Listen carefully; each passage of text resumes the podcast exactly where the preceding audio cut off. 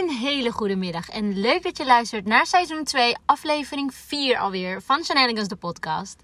En we gaan het hebben over het schoolsysteem. Ja, jongens, we gaan er maar over hebben. Het is iets waar ik al een tijdje mee zit, maar ook waar ik al een tijdje over nadenk van ga ik dit vertellen? Ga ik dit in de podcast meenemen? Ga ik dit überhaupt delen op social media? Maar we gaan het gewoon doen, want het gaat heel veel van mijn leven ja, het is mijn leven. Dus ja, en mijn podcast, daar vertel ik over het leven. Dus ja, we gaan het meenemen en we gaan het zien.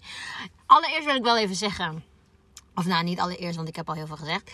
Maar we doen alles uit liefde. Mocht je anders denken dan ik, dan mijn gezin, dan mijn vriend, dan onze manier van opvoeding, dan mag dat. Dat kan. Ik bedoel, we zijn allemaal verschillend. Maar alles communiceren we in liefde, oké? Alles wat ik ook voel, is vanuit liefde. En het kan zijn dat je ook denkt van, nou, zo denk ik niet. En daar heb ik ook respect voor. En we gaan gewoon even zien van wat ik te vertellen heb. En ik hoop dat je ervoor open staat. Zo niet, dan niet. Oké, dus. Laatste tijd krijg ik al wel gauw de vraag van... Oh, over een jaartje moet Joné naar school hebben. Want Joné is dus drie. Vanaf vier mag je naar school. Vanaf vijf ben je leerplichtig. Volgens mij. Ja, volgens mij is dat het.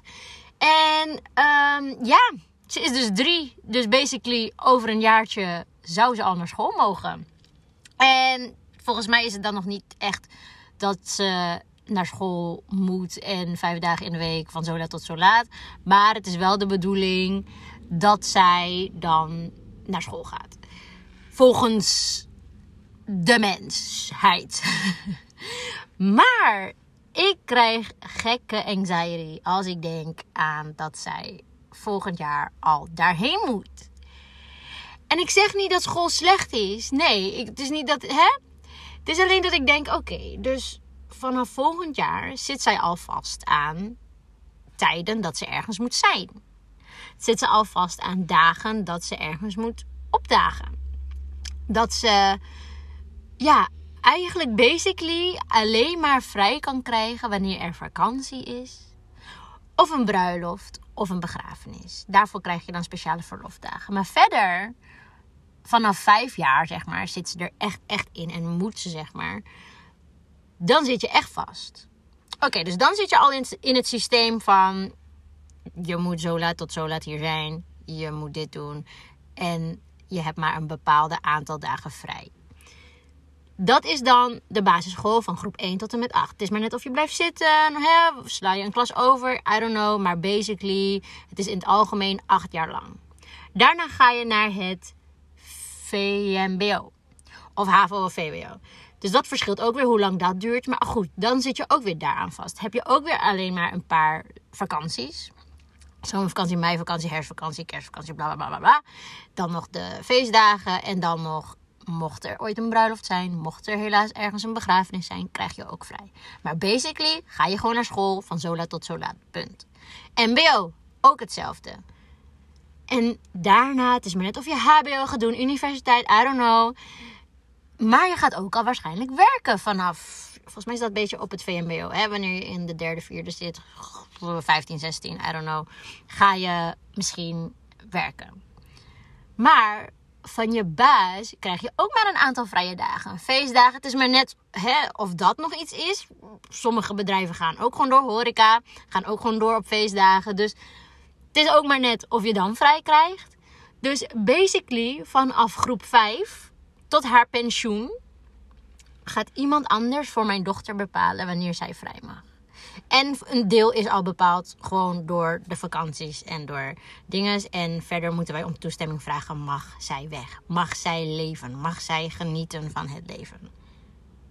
Dat is toch raar? Dat is toch raar dat ik mij daar nu mee bezig hou van. Of dat is niet raar dat ik me daarmee bezig hou. Het is heel goed dat ik me daarmee bezig hou. Maar is toch raar dat het gewoon eigenlijk als normaal wordt gezien dat het vanaf haar vijfde wordt bepaald door iemand anders? En niet eens iemand die haar heeft gebaard. Niet eens iemand die haar heeft gedragen, heeft opgevoed. Niks. Nee. Iemand anders die ooit die dagen heeft bepaald, gaat haar bepalen, haar leven bepalen wanneer zij vrij is. Nee. Nee, mij niet gezien. Mij niet gezien bij die mindset, bij die leefstijl. I don't know. Nee, sorry, niet mijn roeping. Niet alleen dat. Mijn gevoel dus bij school is heel, ja, anders. Anders dan het normaal. Ehm, wat er ook gewoon, wat ik vind, is dat mijn dochter bijvoorbeeld heeft echt affiniteit. Of hoe heet dat? In ieder geval, zij heeft passie. Zij heeft talent. Zij heeft voor Engels. Zij heeft de Engelse taal, ik weet niet, het spreekt haar zo erg aan. Zij praat heel veel Engels. Komt ook door video's, komt ook door films. Ehm, als wij spelletjes spelen, zeggen wij al heel gauw: What is this? Which color is this? We gaan al heel gauw in het Engels, omdat zij doet dat zelf ook. Als zij mij een beetje zagrijnig ziet doen of wat dan ook, zegt ze: Mommy, what happened? Dus wij, zij heeft op de een of andere manier een taalknobbel. Maar oké, ik wil niet opscheppen, maar ik ben op het MBO. Geslaagd met een 10 op Engels. Oké, wil ik gewoon even zeggen. Wil gewoon even. Oké. Dus ik denk een beetje dat zij de taalknobbel van mij heeft overgenomen. Dus Engels, oké. Maar, dus als zij naar school gaat. Ik weet ook toevallig dat ze al best wel vroeg beginnen met Engels. Wat ik alleen maar mooi vind. Want echt, hoe jong ze ook zijn, ze zuigen letterlijk alles op. Echt, kinderen onthouden alles. Dus ook hoe vroeg je al begint met dingetjes leren, hoe beter eigenlijk. Dus ik merk gewoon dat ik, als ik nu al Engels met haar praat, haar Engels, hoop ik eigenlijk dat dat later dan nog beter zou zijn. Omdat ze gewoon al vanaf begin af aan Engels meekrijgt. Oké, dus op school binnenkort, of ik weet niet eens binnenkort, ik weet niet eens of ze gaat. Ze gaat niet naar school, punt. Maar, uh, we gaan helemaal in de war. Op school straks, dan, als ze zou gaan, is de focus op alles tegelijk. Je krijgt zoveel vakken op één dag. Terwijl ik vind, als jij met Engels zoveel talent hebt. En met rekenen misschien net iets minder. Dan vind ik eigenlijk dat jij Engels gewoon wat meer gestimuleerd mag krijgen. Met rekenen wat extra hulp. En met al dat andere gewoon lekker, ja, gewoon op jouw tempo. En ik vind dus in het schoolsysteem moet eigenlijk een beetje alles tegelijk. Je moet met de hele klas tegelijk allemaal bij hoofdstuk 7 zijn. En ja, als je net iets beter bent, dan mag je wel iets extra huiswerk. Maar ja, het is wel prima. En ik weet het, je hebt ook een verschil. Je hebt volgens mij een Dalton school, een Staats school. Je hebt de reguliere school. Er is echt wel verschil. En ik weet bij een Dalton school volgens mij is het dat je daar gestimuleerd wordt in waar je goed in bent. Dus dat vind ik al een hele goeie. Alleen, ik vind dus van op de normale reguliere school is het gewoon dat alles is maar een beetje gelijk. En ik vind dus, waar, als je alles tegelijk doet en alles moet op hetzelfde, iedereen moet bij hoofdstuk 7 zijn. Terwijl de een is juist weer heel goed in dat en de ander weer wat minder. Word je eigenlijk klein gehouden in je eigen talent.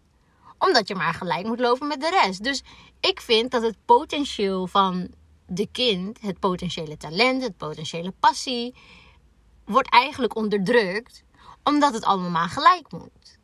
En ik weet ook, heel veel mensen zeggen van... Ja, maar school is toch goed voor de sociale ontwikkeling? En school is toch... La la la la Oké, maar... Je mag absoluut niet afkijken tijdens een toets. Je mag absoluut niet bij je vriendje om hulp vragen als je het niet snapt tijdens een toets. Want je moet het allemaal alleen doen. Je moet allemaal de antwoorden zelf uit je hoofd kennen. Je mag er geen hulp bij. Je mag hè, niet op je computer of op je telefoon kijken waar, welke informatie. Terwijl in het normale leven, als je op het werk straks bent, als je het niet weet, vraag je je collega. Als je het niet weet, zoek je de antwoord in het boek, op je computer, in je telefoon, I don't know. Zo had je bijvoorbeeld met hoofdrekenen.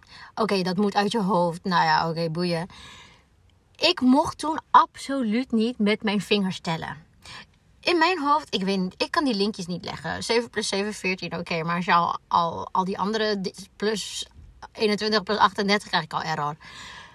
En ik mocht mijn handen niet gebruiken. Terwijl ik denk: oké, van u mag ik niet mijn handen gebruiken, maar het helpt mij wel om tot mijn antwoord te komen. Dus ik moet nu helemaal in mijn hoofd, echt error in mijn hoofd, krijg ik helemaal stress van ik kan dat niet. En als ik dan mijn handen gebruik, krijg ik straf, want dat mag niet als hulp. Terwijl in het normale leven mag je toch ook gewoon je rekenmachine pakken. Ik bedoel, je wordt zo onderdrukt in de tools die je zou mogen gebruiken in het normale leven. Maar nee, je zit op school, je moet het alleen kunnen. Dus oké, dus je sociale ontwikkeling. Je moet zeg maar op school, ehm, hè, je mag niet om hulp vragen tijdens een toets. Verder, waar worden de meeste pesterijen gedaan? Waar ontstaan buitenbeentjes? Waar ontstaan, you know, ik bedoel, ping, gaat er nu een lampje? Ik bedoel, ik snap als je zegt voor sociale ontwikkeling, want je bent dan met kinderen. Ehm, eh, je bent dan veel met kinderen. Maar mocht jij als persoon, moeder, ouder iets aan thuisscholing doen. Het is niet dat die kinderen de hele dag binnen blijven. Ik denk juist, mocht je voor thuisscholing kiezen, mocht je voor iets kiezen, je leert de kinderen juist te leven door naar buiten te gaan en te leven. In plaats van in het hokje in school. In die klaslokaal waarmee je elke dag met al die kinderen samen zit. En ik vind dus ook van, je zit in een klas met 20 mensen. Ik had op een gegeven moment volgens mij 30 kinderen zelfs. En dat was mega druk. Eén persoon, één juf of meester, moet al die 30 kinderen gedijst houden. Nou, die flipt ook wel eens. Ik bedoel, ik kan al soms niet met twee kinderen in huis. Laat staan met 30 kinderen die niet van jou zijn op school. En dan moet je die gedijst houden. Je hebt dan genoeg kinderen die niet hun mond kunnen houden. Nee, je moet je mond houden, nu stil zijn, want we moeten eh, leren. Oké. Terwijl eigenlijk, een kind is toch gewoon een kind. Een kind is toch gewoon, die wil gewoon leven. Die wil gewoon zijn expressie uiten. Die wil grapjes maken. Ze zeggen is goed voor je sociale, weet ik veel. Maar oh, oh, oh je mag niet met z'n allen kletsen in het, in het klaslokaal. Want je moet allemaal luisteren naar die ene persoon die wat te vertellen heeft. Dus ik vind het heel lastig om nu al te bedenken dat zij straks in een klaslokaal basically gewoon onderdrukt wordt. En alleen maar moet luisteren naar één persoon. En ja, dat vind ik lastig. En wat ik ook vind is dat wanneer je dus in een klaslokaal zit met zoveel kinderen en de een is wat drukker dan de ander en de een kan niet stilzitten, de een is beter in praktijk dan theorie en weer andersom. En zo ontstaan dus al die hokjes. Want dat ene kind die maar niet stil blijft, wordt gestraft omdat hij niet stil kan blijven.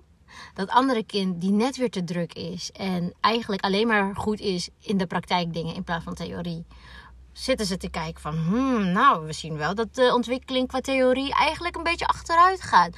Nou, misschien een uh, achterstand. Krijg je alweer zo'n stempeltje. De ene die net te druk is, kan alweer een stempel krijgen met ADHD. De ander die krijgt weer dit en weer dat. Maar dan zeggen ze ook later van, ah, let niet zo op anderen, let niet op wat anderen van je denken, bla bla bla. Toch nu, nu je volwassen bent, leer je een beetje scheid hebben. Maar je gaat dus zoveel jaar naar school, waar je eigenlijk continu wordt vergeleken met al je andere kinderen in de klas. Je wordt continu, hè, als je een toets hebt gemaakt. Iedereen krijgt een cijfer. Ja, Klaas heeft een 10. Kevin heeft een 8. Shandira heeft een 6. En dan is het, oh, Shandira 6, oh. En dat is dus waar je helemaal als kind denk je, oh, ik heb het niet goed gedaan. Oh, oh. En dan nu als mensen dan tegen je zeggen, ja, je moet echt scheid hebben aan wat anderen van denken. Maar als je acht jaar lang op de basisschool wordt vergeleken met de rest van de klas, dan kan jij niet zo in één keer als je later oud bent die knop omzetten van, oh ja, ik ga mezelf niet vergelijken met de rest. Tuurlijk wel, want al die tijd heb je dat wel moeten doen. Al die tijd werd je vergeleken. Al die tijd moest iedereen bij hoofdstuk 7 zijn, maar was jij daar niet en dan werd je gestraft. Het is gewoon, ja, I don't know, ik weet niet. Het geeft me echt een beetje anxiety als ik denk van, ga ik haar letterlijk naar een schoolsysteem doen waar ik niet achter sta.